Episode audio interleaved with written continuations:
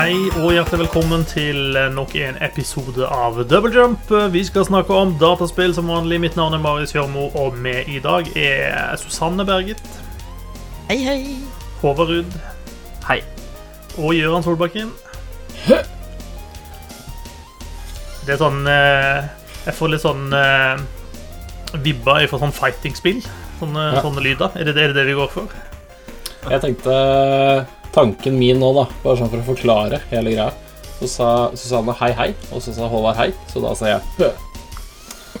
Så du var kjapp i tenkinga på hilsen for en gangs skyld? Ja, det altså Det spørs jo helt hvem du spør, men jeg syns det var en ganske finurlig løsning, om jeg skal si det selv. Jeg, jeg syns det var gøy. Ja, takk. Det, er, det blir litt kjedeligere når man må forklare på en måte poenget med vitsen, men uh, akkurat denne gangen så følte jeg at jeg måtte. Ja, du var for smart denne gangen. Det er liksom ingen mellomting. Nei, det er, det er, det er, det er ikke noe Det er ikke noe, det er ikke noe middle ground her. Enten Ja, all det- in eller hele skivebomben. Det var godt med en forklaring, for jeg var redd det skulle begynne å, regne hadokens og shuriokens her nå. Så Ja, Det er så Altså- kleint når man tuller med en sånn en, og så tuller man med en som ikke vet hva det er. Så må man begynne å forklare at du, det er fra et TV-spill. Og så ser du han fyren bare si «Men Hva er et TV-spill? Og Da veit du at da er det bare å dra hjem fra den festen. ja, det er helt sant. Um, for øvrig, i hvilken verden er du som driver og går på fest da, med folk, egentlig? Nei, dette er fra gamle dager. Ja, jeg skulle til å si det er en verden som A. Korona ikke fins, og B. Du ikke er en gammel mann som ikke går på fest lenger. Men nå skal jeg fortelle deg det, eh, kjære Kjøremo, at jeg har eh, eh, sneket i vaksinasjonskøen, og jeg har fått første dose med vaksine, så jeg kan faktisk begynne å feste igjen. Så er du gammel. vet du. Jeg vet ikke om det er helt sånn det funker. Er det ikke? Er i risikogruppa, vet du. Er i risikogruppa. Ja, ja, ja. Jeg tror, tror du skal vente på festinga, i hvert fall til du får den andre dosa di også, i det minste. Nei, altså jeg Jeg har fått én sprøyte i armen, så nå er jeg fri. Jeg går og hoster på matvarer. Jeg slutter med munnbind. Jeg står veldig, veldig tett på andre mennesker. Det er veldig kjedelig å dra på fest når ingen andre kan være med, da. Du er den eneste som er vaksinert, og ingen andre kommer. Altså, Og du må vel ha to doser før du er 100 vaksinert, må du ikke det? Jo da. Det er helt riktig. Nei da. Jeg har fått den første vaksinedosen. Det har jeg gjort. Jeg, alt det andre skal jeg la være. Jeg syns jo egentlig at en fest er aller best når den er aleine og i kjellerstua mi med PlayStation og en øl. Det er en fest for meg. Det høres ut som en decent fest. Ja. Jeg skulle til å si jeg har lyst til å være med på den festen, men da hadde den jo blitt ødelagt. Så det går jo ikke. Nei da. Så usosial er jeg ikke, altså. Men jeg har vondt i armen. Det skal sies. Så pass dere der ute, alle dere som eh, tenker på vaksine. Det er livsfarlig. Altså, det, det å bli stukket med sprøyte er jo ikke moro eh, i noen sammenheng. Nei, det var faktisk ikke så gærent. Jeg kjente overhodet ikke at uh, den flinke damen stakk med i armen. Hun sa 'nå kommer det et stikk', og så satt jeg og venta, og så sa hun 'nå er du ferdig'. Ja, Ja. Kanskje hun allerede hadde stukket det, altså bare løyv. Ja. Eller kanskje hun egentlig driver og uh, selger disse vaksinene på svartbørsen, så du fikk aldri vaksinen, du. Hun bare sa at du fikk den. Et eller annet har jeg i hvert fall gjort, for det ser ut som jeg har en ekstra skulder omtrent. Så noe, noe har skjedd der. Okay. Det er eh, mikrochipen, dette. Ja, det er. Silikon. det er sant. Silikon er det. Shit. Det er rart. Ja. Jeg har vondt i skulderen og hører Bill Gates om natta. Jeg veit ikke helt hva det Ja, det, er, det, er, fa- det er faktisk Bill Gates som sitter inni skuldra di, faktisk. Eh, Det er sånn jeg fikk Jeg skjønner ikke at folk er så redd for å bli eh, mikrochippa når de blir eh, vaksinert. Hvis, altså, hvis de er født på et sykehus, så er de jo eh, mikrochippa for lenge siden. Ja, ja, ja, ja, ja. Ikke noe fare. Altså, alle, alle, alle internettselskaper med noe som helst respekt for seg selv vet alt om meg og mitt liv. Så om Bill Gates får vite litt til, det, det ser jeg ikke på som noe tap i det hele tatt. Altså, Bill Gates, da, av liksom av alle mennesker. Eh, Ja, hvorfor får han skylda, liksom? ja Eh, Han driver jo på stort sett bare med sånn veldedighetsarbeid og filantropi, gjør han ikke det? Jeg tror han calla det for sånn fem år siden, at uh, den neste store utfordringa for menneskeheten kommer til å være en pandemi. Mm. Ja, han har jo drevet og jobbet for eh, Ja, og da er jo det synonymt med at uh, At han har uh, starta hele pandemien. Vi nå har vært inne i et, uh, et år, så et års tid. Det er jo jubileum. Uh, det er det. OK. Hvordan jeg visste han? mm. mm hmm. Mhm. Ja. Uh, jeg er blitt sliten av mennesker, kjenner jeg. Jeg har fått litt nok. Ja, Den kjelleren og øla og PlayStation den, den frister mer og mer. Jeg skal innrømme det. Uten internettilkobling Nei, det vet jeg ikke. Jeg må jo si at jeg ser Jeg syns jo eh, Susanne og godeste ektemann eh, gjør veldig, veldig fine ting ut av karantene med å kle seg ut i matchende antrekk i helgen og kose seg med eh, en fest hjemme i stua. Bare de. Det er gode forbilder for å leve et godt karanteneliv, syns jeg. Ja, altså det er viktig å finne gode anledninger til å drikke, tenker jeg. I denne pandemien. Ja, Man trenger ikke ha det gøy for å drikke alkohol. Nei. Men det hjelper. Ja, Må man ha det gøy for å drikke, eller drikker man for å ha det gøy? Ja, det er vel heller det siste der. Jeg tenker at Når du endelig blir gift, Susanne, så vil du se at du helst har lyst til å sitte i en annen eh, etasje eh, enn din kårede når du skal ha det gøy. Men, eh, men det, det, det kommer du til å lære etter hvert. Også. Så, Spørs om vi blir gift, da. ja, det er sant. Du får spørre Bill Gates pent, da. Ja. All right. Skal vi, skal vi gire oss inn på dataspill, eller har dere lyst til å prate om, eh, om eh, ski-VM eller noe sånt? Syns jeg jo vi har prata ganske mye om dataspill, så kanskje, kanskje snakke om noe annet denne gangen. Ja. ja. Skulle vi bare henta en sånn D20-terning og så satt opp 20 helt vilkårlige temaer, og så ruller vi terning for hver episode, og så ser vi hvor vi lander. Ja. ja. Syns jeg mm. Begynn med det neste gang, da. Vi tar det neste gang. Det er greit. F- Følg med i neste episode av uh, Double Jump. Burde Klæbo blitt diska? Eh, nei. Ja. Jeg har ikke sett det. Jeg har bare lest alle som mener det ene eller andre. I don't Ja. care, for å være Ja. ærlig. Jeg syns det var altfor mye oppstyr. Bare take the L. Det kommer et uh, nytt skirenn du kan vinne. Det går fint. Altså, Norge vant uansett, gjorde vi ikke det? Who cares Jo hvem, hvem av de det var som vant? Er det viktig også nå? Norge. Norge. Attpåtil så var begge trøndere. Ja, sant. Ikke, ikke nesten alle nordmenn som går på ski, er egentlig trøndere. Ja, det flinkeste av det. Det er et eller annet i vannet der oppe eller noe sånt, tror jeg. Trøndere, ellers er det fra Wien. Ja, Det er vannet de lager sjøl i kjelleren, det som er uh... Som de har i kaffen. Ja. Ja. Dataspill, folkens. Eh, nordmenn, trøndere, vikinger. Vi, vi har vært på tokt, har vi ikke det? Oh yes. Prøv å, å pull it back her. Eh, fordi vi har bokklubbserien vår, eh, hvor vi alle sammen spiller et eh, spill vi mer eller mindre enes om. Og De siste to ukene så har vi spilt eh, det hit survival game Valheim. Det har vi. Yes. Valheim som runda Var det fem millioner solgte her nå? At det har eksplodert på kort tid, altså. Mm. For det er ikke lenge siden de liksom bikka én million, og plutselig er de på fem. Så her går det unna. Jeg tror ikke de rakk å lage sånne nyhetssaker ja, på to og tre engang. Ja, de hadde, de hadde på to, men jeg tror ikke jeg har sett Ja. siden det. Nei det er ganske rått. Ja. Men det er jo ganske fortjent, syns jeg. Ja, det er jo et artig early access survival game med vikingtema og en litt sånn eh, Jeg vet ikke, Hvordan, hvordan vil dere beskrive liksom, det grafiske eh, utseendet på dette spillet? Det er litt sånn eh, Litt sånn 32-bit eller noe sånt?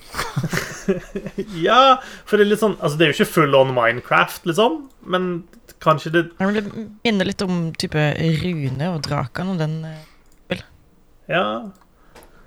For det er godt for en sånn litt sånn retrostil, samtidig som det tidvis ser eh, veldig pent ut. Er pent lys. Ja. Pent vann. Nei, det er i hvert fall eh, Jeg liker i hvert fall eh, stilen de er gått for, da. Ve- men jeg vet ikke helt om det er sånn om den stilen gjør at det blir enklere for, for en datamaskin å kjøre spillet, sånn at de kan gjøre mer avanserte ting inni der. Det kan ikke jeg nok om om dataspillfysikk til å si noe om. Eh, men de gjør i hvert fall en del kule ting i det spillet, og det skal vi jo komme litt tilbake til. Men eh, som, som de fleste survival-spill, så starter man jo, holdt på å si, med uten en tråd på kroppen og eh, begynne å, å, å bokse trær eh, og plukke steiner eh, for å, å komme seg noen gang. Hva, hva var det første dere foretok dere i spillet? Jeg døde. Jeg boksa et tre. Ja, ja jeg boksa eh, et villsvin, eh, og det er tydeligvis ikke en god idé. Nei. Eh, Så den ble sint og, og drepte meg. Det vil jeg ikke anbefale i virkeligheten heller, å drive og bokse villsvin. Eh, Så det er jo god livslæring, kanskje. Eh, Hva var det første du gjorde da, Gøran, når du hoppet inn i Valheim? Eh, nei, altså jeg slo heldigvis ikke til eh, noen av disse villsvinene som løp rundt omkring der. Um, det første jeg gjorde, var å Jo, vet du hva? Jeg døde veldig fort. Men hva var det jeg døde av da, tro? Nei, det husker jeg ikke helt. Eh, se En eller sånn grayling, sikkert.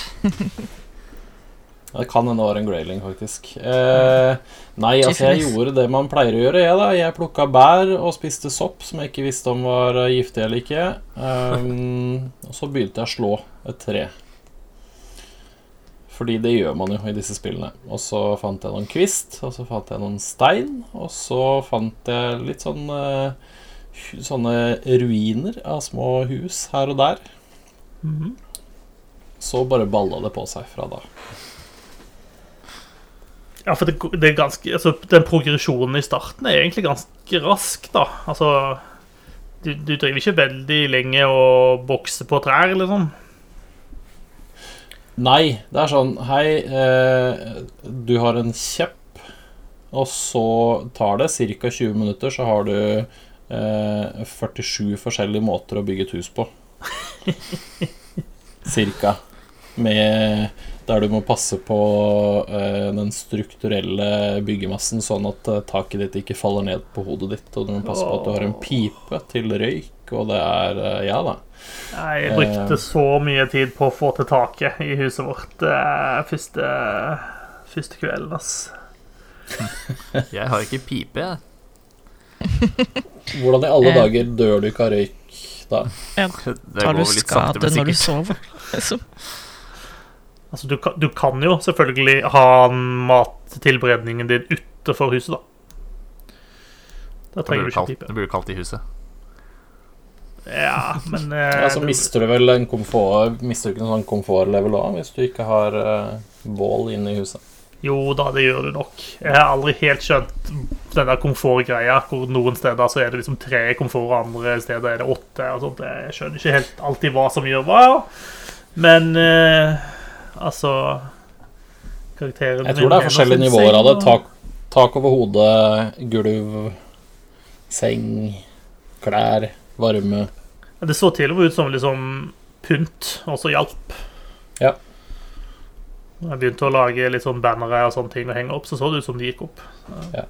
Jeg vet Men jeg, jeg syns jo Jeg syns jo spillet starter Jeg syns det starter ganske bra, for det går veldig kort tid fra du er sånn Å, herregud, jeg er helt hjelpeløs, alt kommer til å drepe meg, sånn som det ofte er i disse spillene, til Å, shit, nå har jeg et helt decent hus, jeg har fått meg våpen, nå kan vi begynne å kose oss. Den perioden imellom der syns jeg er akkurat passe kort, for den er egentlig ikke veldig morsom. Enig. Syns jeg, da, i hvert fall. Så eh, i- Jeg har det mest gøy med Valheim når jeg bare eh, I hvert fall nå i starten, da. Altså, det var gøy å liksom samle inn ved. Eh, bygge seg et eh, decent hus og få noen kister. Eh, litt utstyr og sånn. Men det morsomste, syns jeg, er å liksom bare ta med seg våpen, pil og bue eh, og sånne ting, og så bare gå i en retning. Og så se hva man finner underveis. Finner man noe hus, finner man ruiner, eh, finner man et nytt område? Altså det er liksom Så nå har jeg liksom greid å finne eh, Mountains er i det området. Eh, Black Forest er den veien. Og det er Jeg syns hele den Jeg syns utforskningsbiten i Valheim syns jeg er veldig gøy. Mm.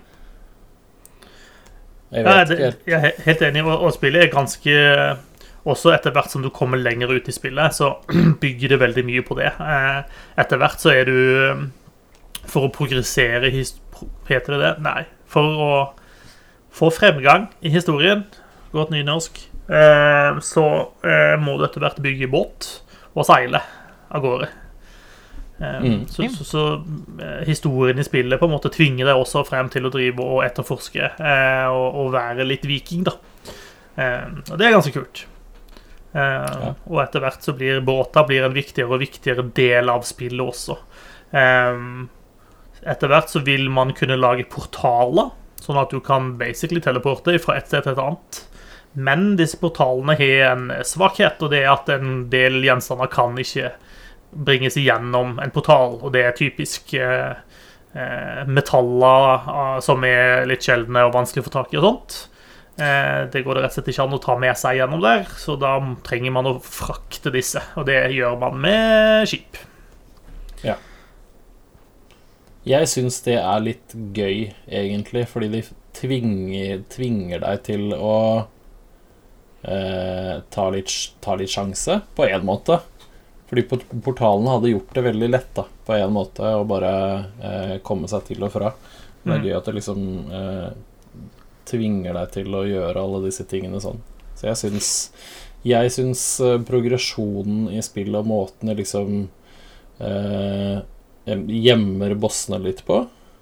Og hvordan de eh, styrer litt av, litt av liksom fremgangen i at du må ta en boss for å få et verktøy eller gjøre sånne ting for å komme deg videre, liker jeg veldig godt. Og så er det Jeg veit ikke, det er, litt, det er litt kult da, at du går fra liksom og nå har jeg eh, så vidt en sånn Tarzan-undis på meg, til at du liksom kjører ordentlige rustninger og sverd og skjold og Nå har ikke jeg kommet så langt, men jeg så en Reddit-post der det liksom du kan lage deg et sånt serpent shield av en sånn eh, Av en sånn eh, ja, Midgardsorm, orm, nesten. Mm. Så det er ganske Det er eh, Jeg hadde aldri sett for meg at Valheim skulle være så stort og ha så mye innhold som det det faktisk har. For det er fryktelig mye å gjøre der. Å utforske og finne. Ja, det er det som er mitt, mitt inntrykk også, egentlig, er at eh, du starter liksom opp, og så kommer du deg ganske kjapt opp på et visst nivå. Eh, men så fortsetter på en måte bare utviklinga. Eh, og det er litt sånn eh, Spillet er på en måte litt sånn inndelt i ulike epoker. Eh, og hver epoke på en måte slutter eller starter, om du vil, med at du tar en boss, da. Eh, og når du har tatt en boss, da eh, får du på en måte noe av den som, som låser opp ny teknologi. Eh, som da på en måte setter i gang en helt ny del av spillet. Eh, så der er det en veldig fin, fin progresjon. Eh, men, men når du tar en boss, så låser du på en måte også opp eh, nye fiender også, da. Sånn at, og nye utfordringer som, som kommer med det. Eh, som helt i starten, eksempel, når du tar den første bossen, så etter du tar han, så begynner det å komme kjipe ting ut av skogen som driver og angriper deg og sånt. Eh, stormer bosetningen din og, og sånt. Eh, og da må du på en måte ta neste boss eh, for å liksom gjøre slutt på det. Men da er det noe annet kjipt som begynner å skje isteden. Så Og de kan bare dra til helvete, faktisk, de som kommer da. For de sier ikke fra at de kommer. Nei, det, det er både òg. Det er noen sånne på en måte events hvor du faktisk får liksom opp Nå er det angrep. Eh, Ja da. Eh, mens Benmidans de der eh, Black Forest-gubbene som bare kommer ut og er kjipe om natta, de eh, de kan godt brenne. Ja, Mm. det. Driver de og hogger ned tingene dine også. Ganske slemt. Du bygd Ja. liksom fint hus og, og sånne ting, og så kommer de og hakker det i stykker. Er Ugreit. Ja, jeg er, i, jeg er i en sånn flytteprosess der jeg driver og flytter basen min fra inn i skauen og For jeg har drevet og løpt fryktelig langt og fryktelig lenge fordi jeg har vært sånn Å, herregud, jeg har så mye kister, og så har jeg så mye ting, og så har jeg lyst til å bygge nytt hus, men så er det alle disse tingene som jeg må da drive og flytte og åh, sånn. Men nå har jeg begynt den prosessen. Eh, og jeg jeg har ikke vært noen sånn utprega sånn bygger i så mange sånne spill, men akkurat i Valheim så da koser jeg meg litt med å lage hus, selv om det er vanskelig. Jeg syns ikke byggingen liksom nødvendigvis er eh, Den er ikke perfekt, da, men den er allikevel en sånn god balanse mellom komplisert nok og, og du har nok valgmuligheter til å lage det litt sånn som du vil ha det. Eh, Samtidig som det går relativt fort da når du begynner å lære deg det. Ja, Så- Den er litt, litt tilsvarende det i Konan, syns jeg. Eh, Ja. Kanskje litt mindre ressurskrevende enn i Konan. Eh, Ja, jeg tror ikke jeg kom såpass langt i konaen til at jeg fikk kjenne på det verste ressurssuget der. og det er noe jeg, Ja. som jeg liker med, med Valheim, at det er ganske snilt. da. Eh, for eksempel så er det jo decay på våpnene og, og verktøyet ditt og sånt når du bruker de. Eh, men det koster deg ikke noen ressurser å på en måte fikse det igjen. Du må bare tilbake til eh, til smia di eh, og bare inn og trykke 'reparere', liksom, så, så er den tilbake på topp. da. Mm. Eh, sånn at den, den har kutta ned en del av de tingene som er litt sånn, føles ganske grindy i en del andre survival-spill. Eh, Ja. det, det er bra, tror jeg. Det er jo ikke kjempestor forskjell på å dra et sted og trykke 'reparer' og må bare ta bruke de tre Tre woods og én stone for å lage en ny hakke det krever, da. Ja, men Det er den første hakka di, eh, men etter hvert så lager du hakke av andre ting. Okay. Eh, og da må du kanskje jobbe litt for å få tak i det, den bronsen eller det jernet. Eh, og da er det ganske kjipt når den er nedslipt, og så må du sette i gang et helt eh, opplegg for å få tak i det, da. Eh, så, så, så så det er der den eh, bonusen kom inn, da, når du kom litt lenger ut, for å si det sånn. Okay. Mm. Mm. Ja, da, hva syns folka?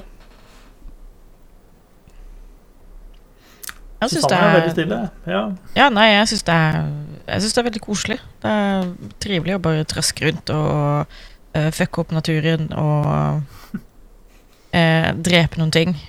Så, og så bygge Som jeg har gjort, da, bygd utedo med snipertårn på toppen. Eh, det er 100% at ingen av oss blir overraska på dass, liksom. Av en grayling eller en grey dwarf eller et eller annet annet uhumskheter som kommer traskende ut av skauen om natta.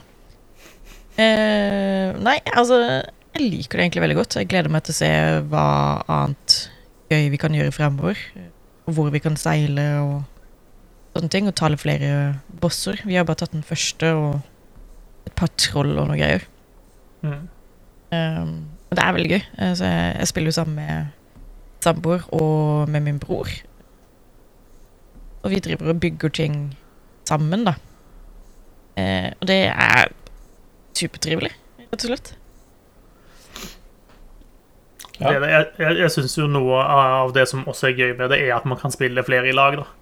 Eh, Den serveren som jeg spiller på, så er vi eh, er vi fort opp imot ti stykker eh, på serveren. Om ikke alle spiller samtidig, så er man på en måte med å lage seg sitt, sitt eget samfunn. da Sånn at man liksom samarbeider om noen ting, og så har man gjerne liksom sine egne sånn Her har jeg min base som bare jeg har bygd. Eh, og så lager vi veier imellom, sånn at man skal komme seg kjapt og trygt fra en base til en annen.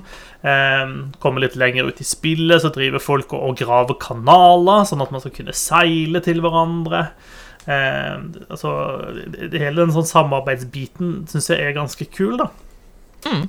Eh, du ender liksom opp med å lage en liten sånn eh, viking-community ut av det. Og det, det syns jeg er gøy. Jeg, jeg tror Hvis jeg hadde bare spilt alene, så tror jeg ikke jeg hadde blitt værende veldig lenge med spillet.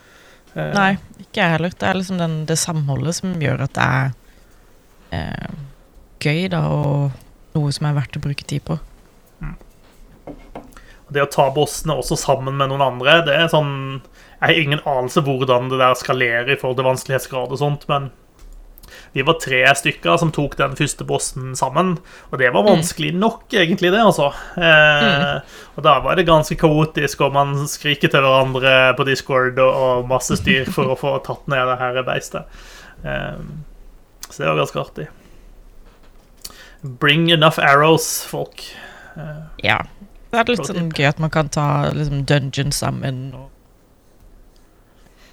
sånne ting. Og oppdage nye ting og liksom bare få litt framgang i, i verden. da. En Mm. sånn felles innsats. Jepp. Det Ja, ser rart. ganske pent ut, og det har en del sånn intrikate systemer som jeg syns er veldig spennende. Blant annet det at du må, du må ha en pipe, liksom, ellers dauer du. Hvis ikke pipa er bygd ordentlig, så kan det være eh, bålet ditt uh, slokner fordi du får vind ned, eller det regner ned gjennom pipa. Mm. Den type ting, da. Og så Ja, jeg syns det, jeg, jeg syns det er greit å balansere de kompliserte tingene på en sånn måte at uh, det er litt fornuft bak det. Det er litt sånn når du, Mhm. når du ser hva som skjer, så er det sånn Ja, selvfølgelig blir det røyk i huset mitt fordi jeg har et bål. Uten noe sted at røyken går noe sted, liksom. Det er ja. Og så er det jo gøy at du kan uh, mekke skilt og henge opp overalt. Ja De har jo navn på alle settlementsene og sånne ting, for eksempel. Mm. Det må jo selvfølgelig man ha skilt for å, å bemerke. ja. ja, nei, jeg syns, i hvert fall eh, Jeg syns den visuelle stilen de har gått for, da, den derre eh, pikselerte stilen blanda med eh, supermoderne lyssetting og sånn, den syns jeg fungerer skikkelig bra. Det synes jeg jeg syns det spillet er kjempepent, jeg. Å liksom gå rundt, og, og så kommer sol, soloppgangen der, og så skinner det gjennom trærne, og så er det sånn Figuren er jo ikke kjempedetaljert i det hele tatt, liksom, men det Nei, jeg syns det ser eh, Jeg synes det ser kjempebra ut. Og så syns jeg musikken også funker veldig bra til det det gjør, at du har liksom I Meadows så har du en veldig sånn lett og lystig sånn klassisk sånn greie som går bak, og så med en gang du liksom krysser grensa til Black Forest, så blir det dystert og tungt, og så blir det liksom Nei, det er mye Jeg syns de de er veldig flinke med lyddesign også.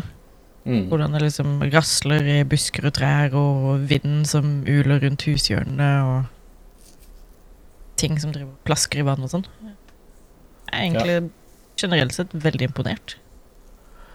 Ja, det, det, spesielt den vannbiten har de gjort mye jobb med, altså. Eh, og Når det som blir skikkelig uvær, så øker Så stiger vannivået, og, og det er også variabelt fra sted til sted.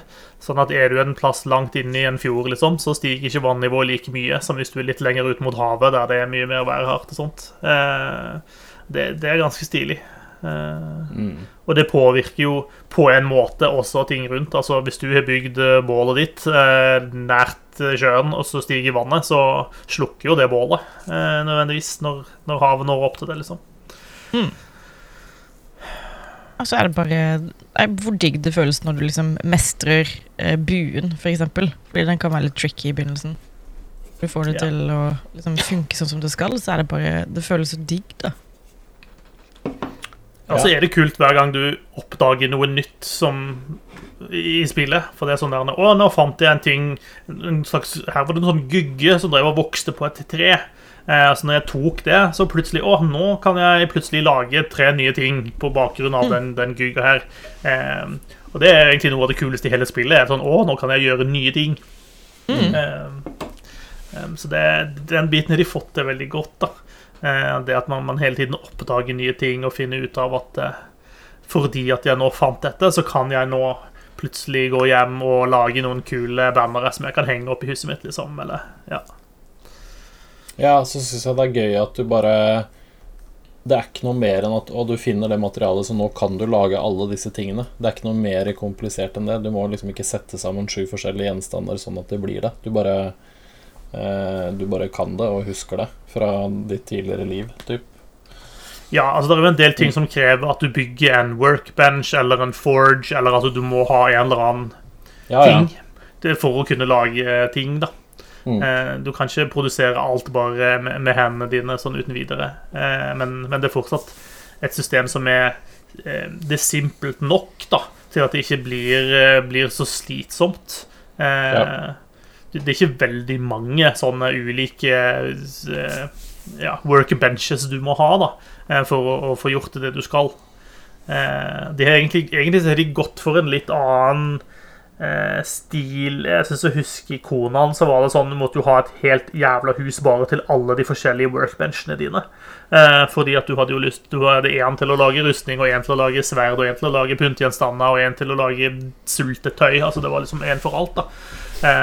Mens her har de heller valgt et system hvor du på en måte eh, forbedrer de eh, eh, Altså workbenchen din eh, med å bygge noen sånne småting som du setter rundt. Eh, så i- istedenfor å bygge en ny workbench for å bygge nye ting, så kan du sette ned en sånn derre ja, en liten sagbenk på siden, eksempel, som i seg sjøl ikke har noen effekt annet enn at den på en måte leveler opp workbenchen din. da, Og så kan du da lage flere ting på workbenchen din. Eh, det syns jeg funker bra. Det, det et funksjonelt system, syns jeg, som gjør at eh, du får en fremgang i hva du kan lage, uten at du trenger å bygge en egen landsby eh, for å få lagt alle tingene du har lyst på. Ja. Jeg koser meg med det. Gjør det, altså. Jeg skjønner Ja. hypen. Ja, jeg koser meg veldig. Jeg, ble- jeg er veldig Veldig imponert og veldig overraska over hvor mye det spillet er. For det er litt sånn når man Når man hopper på sånn survival-spill, som det er Det har jo blitt en del av de, så er det veldig ofte eh, Det er gøy opp til et visst punkt, og så har de på en måte ikke noe mere. Det er bare, de fleste spillene der liksom de stopper på et eller annet tidspunkt, der hvor det liksom bare er tomt. da Enten så har det ikke kommet lenger, for alle disse spillene er jo early access, eller så er det, eller så er det liksom ikke lagd noe mer. Men her er det så mange sånne systemer og så mange andre ting du kan fortsette å gjøre. Mm. Um, nei, jeg koser meg. Jeg har vært litt redd for å hoppe på, uh, på denne, for jeg også er jo en del av den serveren, men jeg er litt sånn shit, jeg har lyst til å finne ut alt dette her selv, og ikke bare hoppe inn i noe som allerede er funnet ut. Mm. Eh, men jeg tror jeg begynner å bli klar for å, å hoppe inn i en viking, eh, vikinglandsby. jeg også.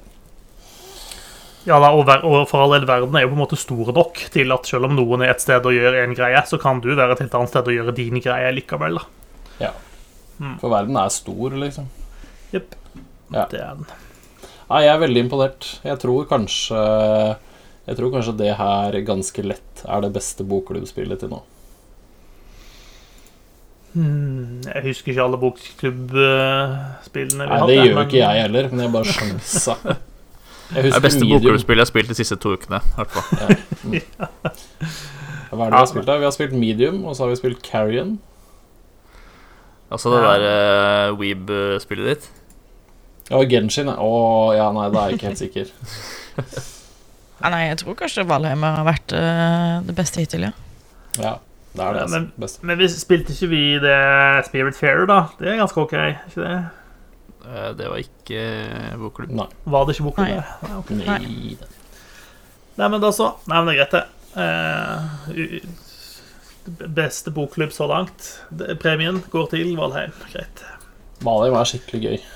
Enkelt og greit. Det er ve- veldig kult at de har solgt eh, fem millioner spill. Disse seks menneskene eller noe sånt som har lagd det. Det er jo helt sjukt, faktisk. Ja. Det er bitte lite team, liksom. Jepp. I Sverige, stemmer ikke det? Jo, det stemmer kanskje, det. Mm. Jeg har lyst til å si at de er svenske.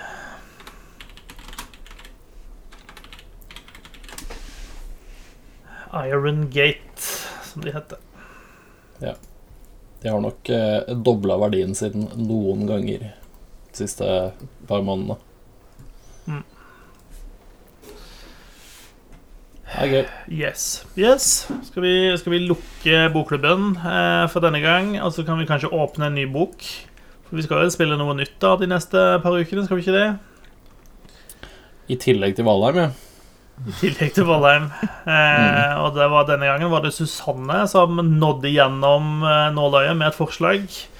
Eh, og hva er det du skal ta oss med ut på disse ukene, Susanne?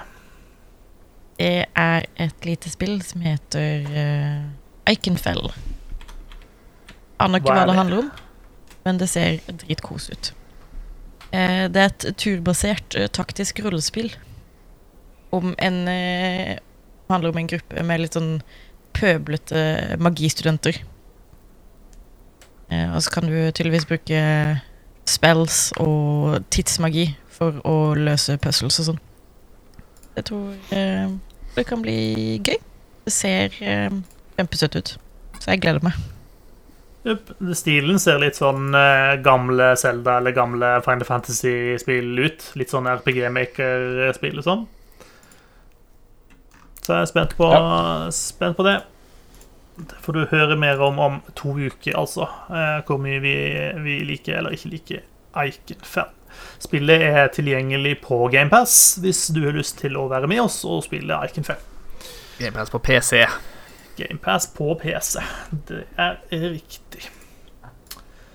Um, vi, det, vi hadde en liten runde før her. Det var ikke så fryktelig mye annet vi har spilt, egentlig. Det høres ut som Valheim har tatt eh, på en måte mye av eh, fokuset.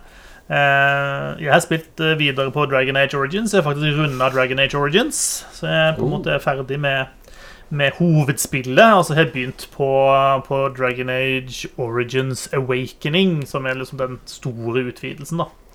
Eh, Den er så bra, den. jeg var eh, så sikker på at jeg hadde spilt Awakening før, og så begynner jeg å spille det, og så tenker jeg at dette har jeg jaggu meg aldri sett før i mitt liv. um, så her er det mye som var nytt for meg. Jeg visste ikke at Anders dukka opp her i det hele tatt, for eksempel. Jeg trodde ikke han dukka opp før i, uh, i Dragon Age 2. Mm. Um, så her er det kult, og måten de spiller på ting som du da gjorde i spillet, og som tydeligvis eh, De er fryktelig flinke da på å sy sammen spillene sine. Altså den, det, det føles ut som om alt hører sammen i en verden, og det bør de jo selvfølgelig gjøre, men uh, BioWare er flink til å få det til, da. Mm. Ja, ja. Uh, og det er også ting, ting som jeg har liksom stått og tenkt på når jeg har spilt Dragon Age Origins nå, så hvor jeg har liksom sett så mye av linjene til Dragon Age Inquisition, som, som er et spill som trekker veldig mye på veldig mange tråder fra de forrige spillene. Eh, så oppdager jeg på en måte enda mer nå. Sånn der, Å ja, det det er han, ja. Og det er hun, ja. Eh, og også bare sånne ting som er ganske små detaljer. Eh, et eksempel er, er bare en liten detalj som ikke er noen spoiler, da, men i Dragon Age Inquisition så får du på et tidspunkt eh, besøk av en dvergdame eh, som har lyst til å komme og være en sånn magi-forger hos deg. Eh, Mm. og, og den dama hun er det en sånn liten quest som du kan liksom hjelpe henne i Dragon Age Origins med å sette henne i kontakt med Circle of Magi, sånn at hun skal lære å studere liksom, magi og sånt. da eh, altså så dukker hun da opp seinere i eh, Inquisition. Og det er, er så mange sånne ting. Eh, og ting som jeg ikke var helt klar over heller. Så det, det gjør det liksom litt sånn ekstra artig å spille igjennom. Mm. Så det er gøy. Ellers, det er mye det et. Ja, det er Gode spill er jo alltid anbefalt å spille. Ja. Rett og slett. Er det noen andre som har lyst til å, å kaste ut noe de har bedrevet tiden med i det siste? Før vi hopper til nyhetene. Nei, eh, Demon Souls er et eh, kjempe, kjempebra spill. Da fikk jeg sagt det enda en gang. Eh, jeg kommer ikke til å runde det på sikkert seks måneder, så jeg kommer til å si det hver gang i ca. seks måneder framover. Eh, ellers så har jeg runda demon til Outriders. Jeg har alle klassene på maksnivå eh, på max world tier og har fortsatt ikke fått noen legendaries. Dra til helvete, alle dere som har fått det. Eh, jo da, jeg har grinda i en demo av et spill. Mm. Det er en ny low for meg på sånne looter-spill, men uh, der er vi, altså. Der er vi, og der har vi vært. Og jeg skammer meg nesten ikke. Altså, Så lenge du har det gøy, da, er jo det viktigste, tenker jeg. Ja, men det kommer til et punkt der det slutter å være gøy, og så begynner det å bli sånn "Faen, Nå skal jeg i hvert fall ikke slutte før jeg får noe ordentlig verdt å holde. Så nei, drit og dra. Men eh, Devastator blir jo bare morsommere og morsommere jo mer gear du får på den, eh, Susanne. Så der, det Der tror jeg det kan bli mye moro, altså. Mm. Jeg gleder meg til å fortsette om eh, ukers tid, blir det vel? Ja, For nå har jeg fått. Jeg har fått, uh, fått noen mods nå som gjør at den der, den der, det skjoldet ditt, vet du, som bare samler sammen kulene Mm. uh, Istedenfor at det nå samler sammen, og så akkumulerer det det ut igjen når det er ferdig, så returnerer det skaden med en gang. Uh, og så gjør det mer skade på elite, og så gjør det også eh, Det var en eller annen mod til. Men i hvert fall, så når jeg da går inn i et rom, så setter jeg på det skjoldet, og så dør stort sett alt med en gang. Mens jeg Nice. løper rundt og skyter. Det er kjempegøy. Mm. Jeg koser meg. Ja, jeg koser meg. Som jeg sa i Hades, eh, skjoldet er det beste våpenet. Skjold. Skjold er kult. Nei, ikke noe annet nytt. Nei, Nei men det er greit, det. Eh, Det ble ikke noe Bowsers Fury på deg, Håvard. Nei, beklager å måtte skuffe. Eh, Vi ble sittende og skulle eh, prøve 100 eh, eh, Super Mario 3D World, som da innebærer å ta alle, alle baner, eller alle brett, har tre grønne stjerner. Eh, De aller fleste har et eh, slags eh, stempel som ikke kan brukes til noe. Bare du ser en fin samling på et på en blå bakgrunn med masse Mario-figurer. Og så må man må man treffe toppen av flaggstanga på alle brett som altså får et gullflagg. Og da vi hadde gjort det på alle, alle brett, så låser man opp eh, en, en ny verden som eh, bare inneholder eh, ett eh, et, eh, et brett som heter Champions eh, Road, eller eh, noe i den dur, og det er eh, altså så vanskelig, så vi ble sittende og spille det eh, nesten hele søndag kveld, som da er liksom dagen før, eh, før innspilling. Ehm, så vi, eh, vi tror vi brukte 300 liv før vi liksom ga oss på søndag eh, med uforrettet sak. Det er, det er bare Du må one-shotte hele greia, for det er ikke noe eh, Det er ikke noe checkpoints eller noe sånn. Og sjøl liksom ikke når vi er to personer da, spiller, slik at man kan ta litt sånn eh, noen taktiske sjølmord. Ehm, for man respawner som eh, Med en mushroom da som man har, som man kan ta eh, Bli truffet én gang av en fiende. Eh, så, så sliter vi skikkelig, liksom. Man faller ut, og det er lite plass å stå på, og små plattformer. eh, og langt ned, for å si det sånn. Eh, jeg tror vi nærmer oss slutten, men uh, dæven døtte. Det er uh, krever presisjon. Ja, du, du har ikke tenkt å gi deg nå, har du det? Nei, nei, vi må jo få til det. Vi kan ikke feige ut nå. Nei, men eh, kult. Da er jeg spent på å høre Du burde jo streame dette her, Håvard. Ja, jeg tenkte på det, faktisk. Jeg har i hvert fall tatt opp Så vi har opptak da den Når vi en gang klarer det. Ja. ja det høres kult ut. Jeg er spent på å høre Høre hvordan det gikk eh, da du klarte det. Ja. Ja. Nei, men eh, forhåpentligvis får du høre det. Ja, jeg satser på det. Eh, Du, Susanne, jeg vet du har vært på spillprisutdeling. Ja, ja, ja. Eh, ikke bare satt jeg i pressejuryen til spillprisen, jeg ble også invitert med uh, som utdeler av eh, årets Eller prisen for årets beste spill, da.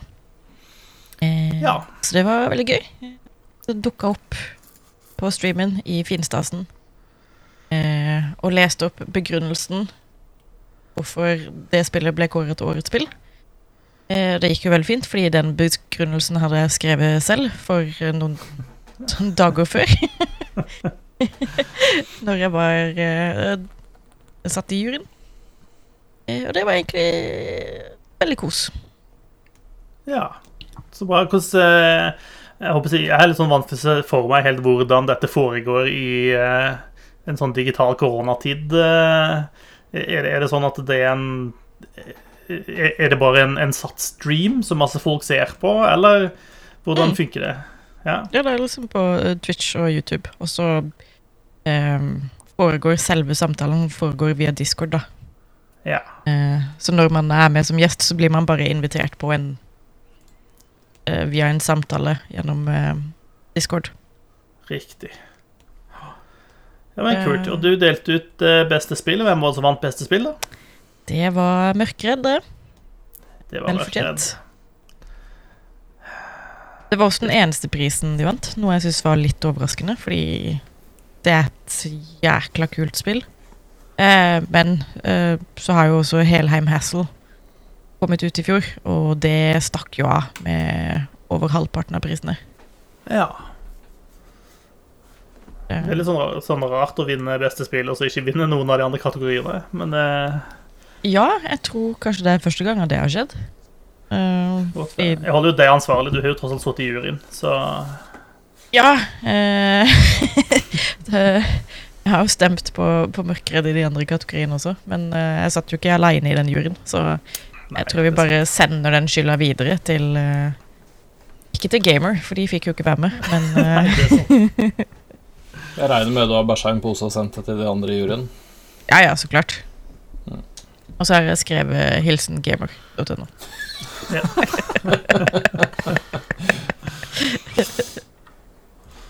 men det er bra. Eh, Yes, det har jeg Yes. gjort, og så har jeg også vært eh, litt opptatt med å forberede meg til å være moderator for et eh, panel som gikk av stabelen i dag på selve kvinnedagen. Mhm. eh, som tok for seg da eh, Gender and New Initiatives in Gaming, eh, hvor eh, deltakere fra alle de nordiske landene pluss Frankrike eh, snakka litt om eh, hvordan ståa er i spillindustrien i dag, og hvilke steg som blir tatt for å på en måte rette opp i den enorme eh, ubalansen det er i kjønnsfordeling i spillindustrien. Mm. Det var en veldig kul prat. Eh, masse, masse bra deltakere, veldig mye ekspertise. Eh, og mye liksom kule folk. Jobba for både trippel A-studier og, og indie-studier, og det var liksom akademikere, og det var forskere, og det var spillutviklere, og det var e-sportsutøvere og liksom forskjellig, da. Uh, og meg. Kult. Er det, er det noe sted det går an å se denne debatten sånn i ettertid, for de som ikke fikk med seg live? Uh, ja, den skal legges opp på YouTube og Facebook. Uh, hjemmesiden til Institut de Francais eh, du Nordique. Eh, jeg kan finne, finne linken når den dukker opp. Og dele den. dele den? Det er, høres eh, smart ut. Mm. Det var så bra. Kult. Um, skal vi ta øvrige nyheter? Folk klar for det?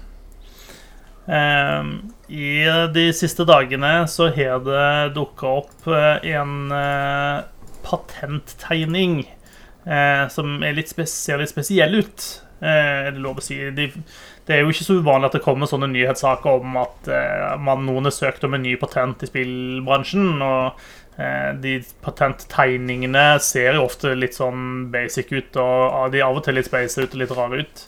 Eh, men Sony har altså søkt om en patent som viser eh, noen som bruker en banan som en håndkontroll. Ja. Jeg eh, kjørte sporenstreks ned til butikken og kjøpte alt av bananer. Jeg skal ha alt. Så har jeg lagt ut på Finn for 500 kroner stykk. PSM-kontroller selges billig. Må hentes. Kan være at det er en god investering. Kan, kan være det ikke er det. Ehm, det det ser ut til at Sony har søkt om, i hvert fall, er patent på et system som eh, lar deg bruke håper jeg, vanlige, ikke-elektroniske gjenstander som kontroller. Ehm, altså at man har et system som eh, jeg håper å si, De fleste har sikkert sett sånne type tastatur som bare liksom ly lyser ned på en hvilken som helst overflate, og så kan du skrive på den. Eh, dette er på en måte det samme for spillhåndkontrollere, bare kanskje hakket mer avansert. Men det, sånn jeg forstår det, så er det litt mellom Litt i, i den rekkevidden, i hvert fall. Eh, hvorfor eh, noen, når de kan gjøre dette, skulle velge å gjøre det med akkurat en banan, kan ikke jeg skjønne, eh, da den nødvendigvis ikke sikkert er veldig god å drive og holde i og kladde på over tid. Men for all del. Husker Eh, du den eh, bumerang-bananformede kontrollen eh, som egentlig skulle komme med Jeg husker ikke om det var PlayStation, om det var PlayStation 4. PS3. Det var PS3, ja. Og den er så stygg. Ja, Den er grill. Så dette jeg tipper bare er en sånn uh, uh, Ha-ha, vi gjør det likevel. Ja uh, Polygon var i hvert fall kjapt ute med å si at eh, Eller med å avkrefte at dette dreier seg ikke om en retur eh, til banankontrolleren som de hadde til PS3. Uh, åh, jeg ser bildene nå. Den er faktisk så grell, den. Jøssa meg at noen tenkte at dette skulle vi gjøre. Det kan jeg ikke skjønne.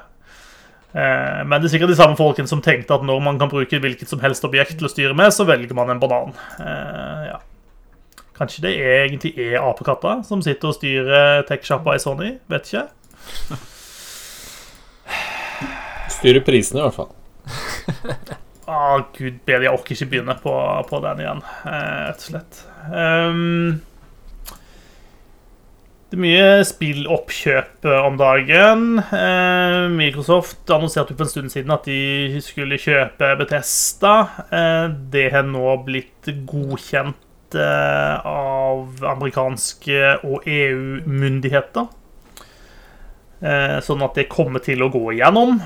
Det var vel aldri noen kjempestor tvil om at det kom til å gå greit, men de har nå i hvert fall på en måte sett at dette ikke fører til en, en sånn uheldig konkurransevridning i markedet, da, verken for hardware eller software development. Eh, Og Microsoft har annonsert at det kommer til å gå igjennom i løpet av det andre Altså til sommeren, basically. ja. Eh, og eh, Epic Games de har nå annonsert at de har kjøpt opp eh, Fall Guys-utvikleren. Tonic Games Group. Eh, som eier eh, Mediatonic, som eier Fall Guys. Ja, det er sånn, sånn dette funker. Eh, så hvis noen trodde at det ikke var nok eh, crossovers mellom Fortnite eh, og Fall Guys, så er det bare å glede seg, for her kommer det til å komme. Å, herregud. Ja. Eh, og eh, jeg å si Tonic Games Group eh, er- eier også flere studioer som har produsert en del andre Ikke like store suksesser kanskje som Fall Guys, men like fullt flere utviklere som, som har lagd ulike spill. Så Epic Games også driver og styrker seg. Det er mange som har gjort det i det siste. Electronic Arts var jo ikke så lenge siden ute og kjøpte Codemasters, blant annet.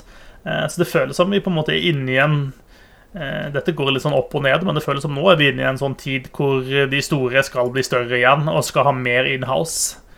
Eh, Spennende å følge den utviklinga, se, se hvordan det går. Mm. Så lenge alt kommer på GamePass, er det greit. Det er det samme. Eh, er, det, er det noen av dere som har fulgt med på den eh, sagaen som går nå om det spillet som heter The Sinking City? Herregud, det er jo krise, da. Ja. Ja, der, der er det skjedd så mye rart. Herregud. Eh, Der er det altså en utvikler og en utgiver som eh, Det er ikke så uvanlig at utviklere og utgivere er uenige om ting, og av og til havner i konflikt.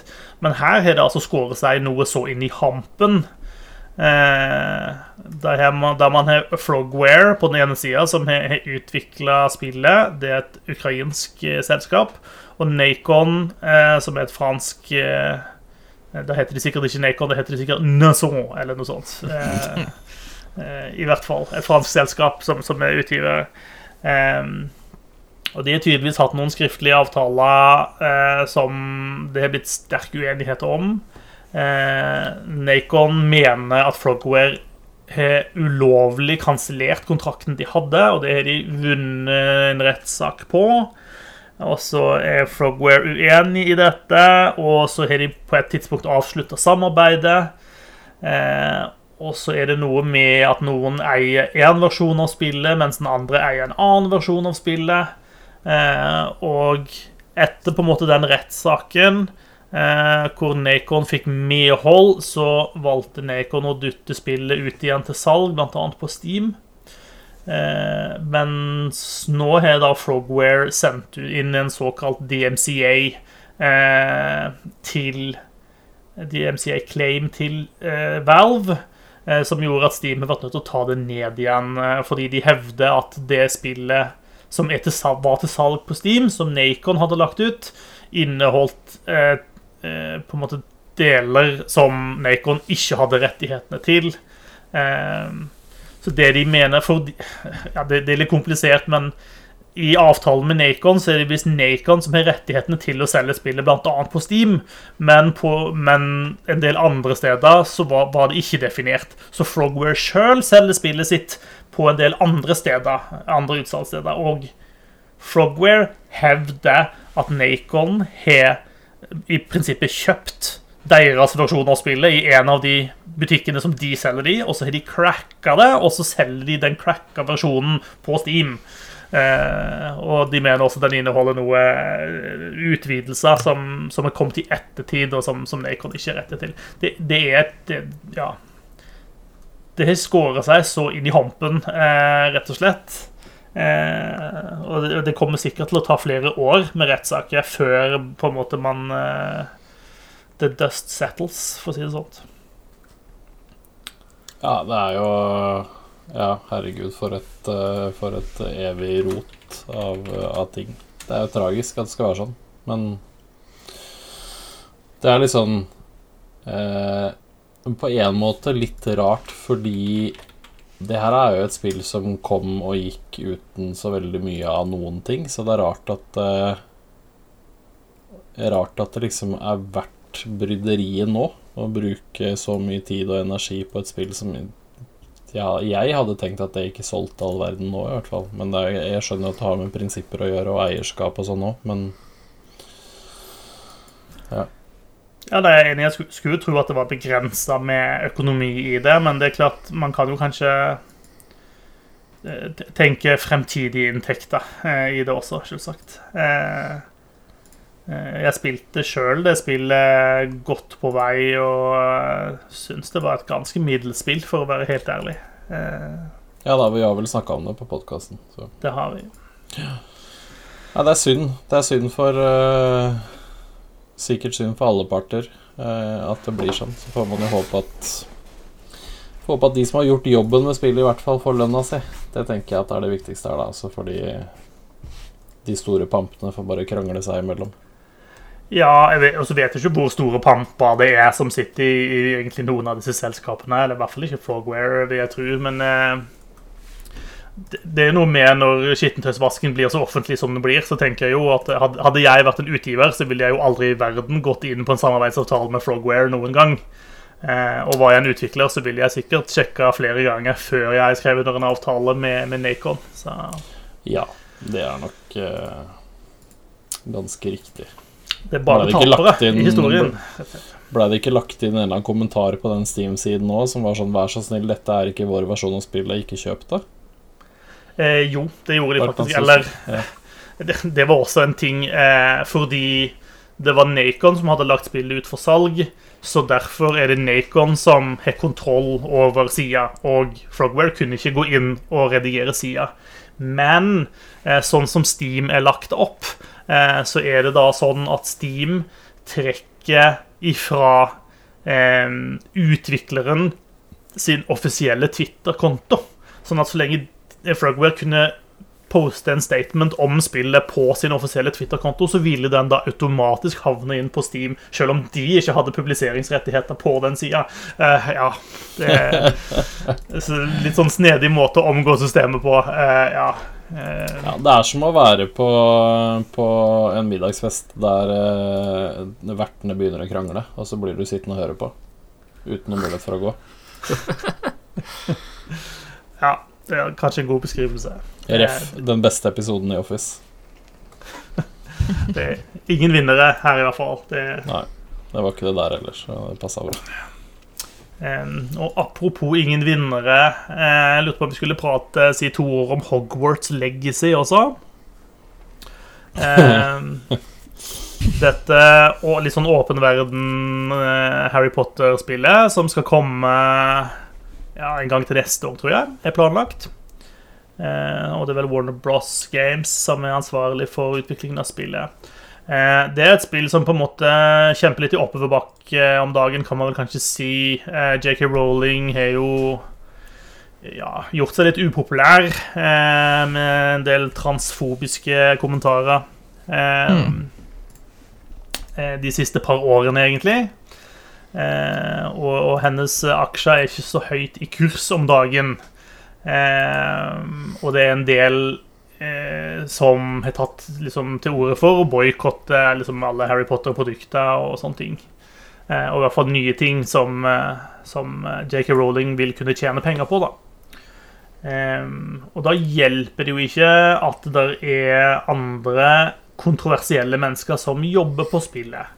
Eh, det var Nå husker jeg ikke akkurat hvem det var, men det var noen som eh, gikk på ut i det store, fine internett og eh, quote unquote avslørte eh, at en, en person som heter Troy Leavitt, som var lead designer på Hogwarts Legacy, eh, han hadde en fortsatt aktiv YouTube-konto eh, der han hadde lagt ganske mange videoer med eh, kontroversielt eh, materiale, kan vi kanskje si. da, En sånn stor Gamergate-sympatisør. Eh, veldig kritisk til eh, eh, eh, hun, Hva heter hun for noe? Sir Jeg glemmer alt navnet hennes. Socation. Ja. Anita. Anita Socation, ja. Eh, og eh, ganske mye sånn ytre høyre-prat, da, for å si det sånt. Eh, og eh, dette fikk jo på en måte også eh, vann på mølla da, på internettet, og ganske mange som etter hvert ble litt sånn outraged over at han skulle være med og, og sitte og ta avgjørelser eh, for eh, dette Harry Potter-spillet. Noe som nå har ført til at han eh, har trukket seg eh, fra utviklingen.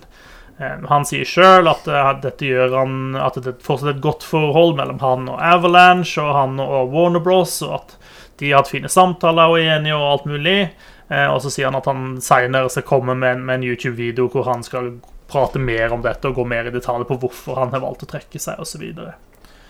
Eh, og veldig sånn med smilefjes og tommel opp, og han er liksom kjempefornøyd, da. Ehm,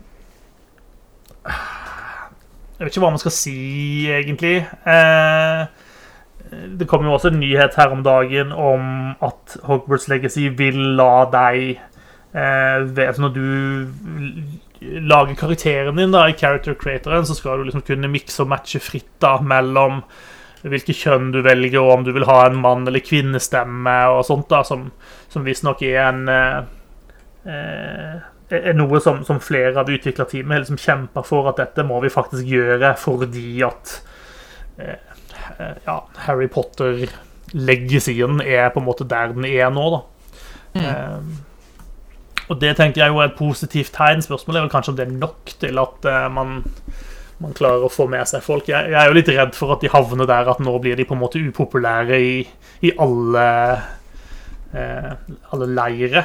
Eh, på den ene siden så har man de som syns at eh, eh, transpersoner skal ha rettigheter som alle andre, eh, og ikke like det. Eh, og så har du de som nå ser på dette som oh, cancel culture og, og sånt.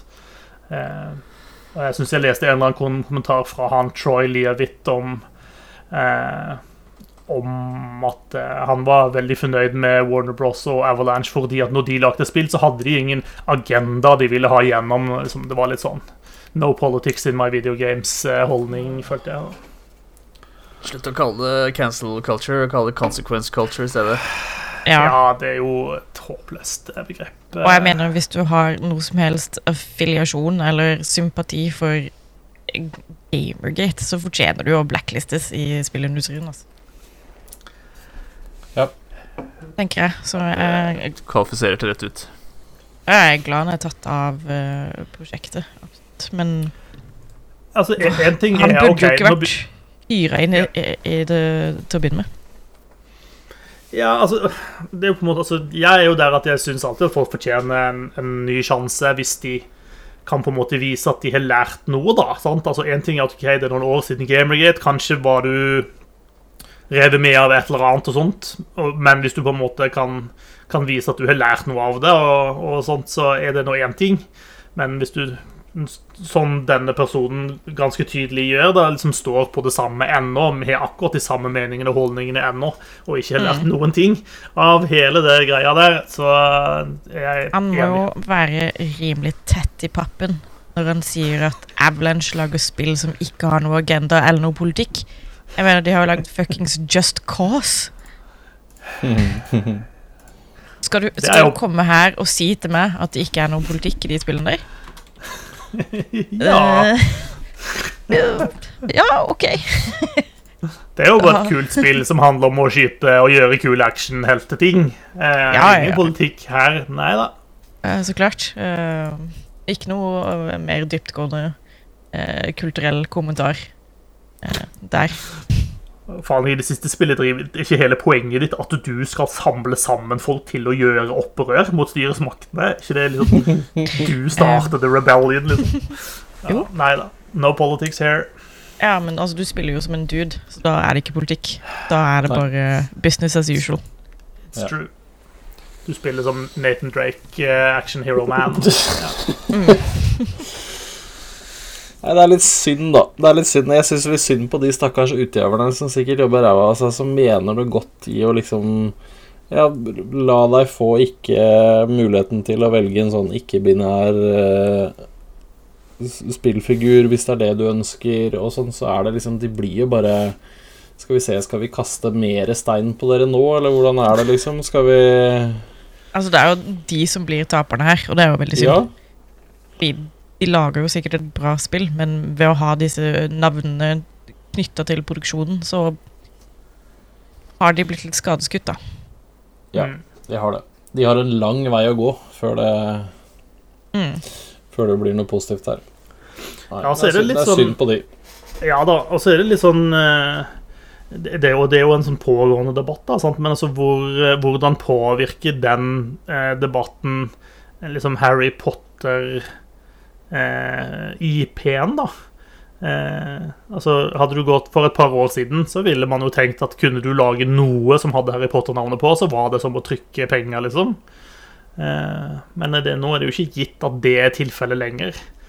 Eh, og spesielt spillbransjen, som jo er sånn den er, så jeg er spent på å se hvordan om, om disse tingene bare blir støy, eh, og at ellers så er det business as usual, eller om det faktisk fører til at eh, salgstallene blir eh, si, ordentlig påvirka av eh, av den debatten, da.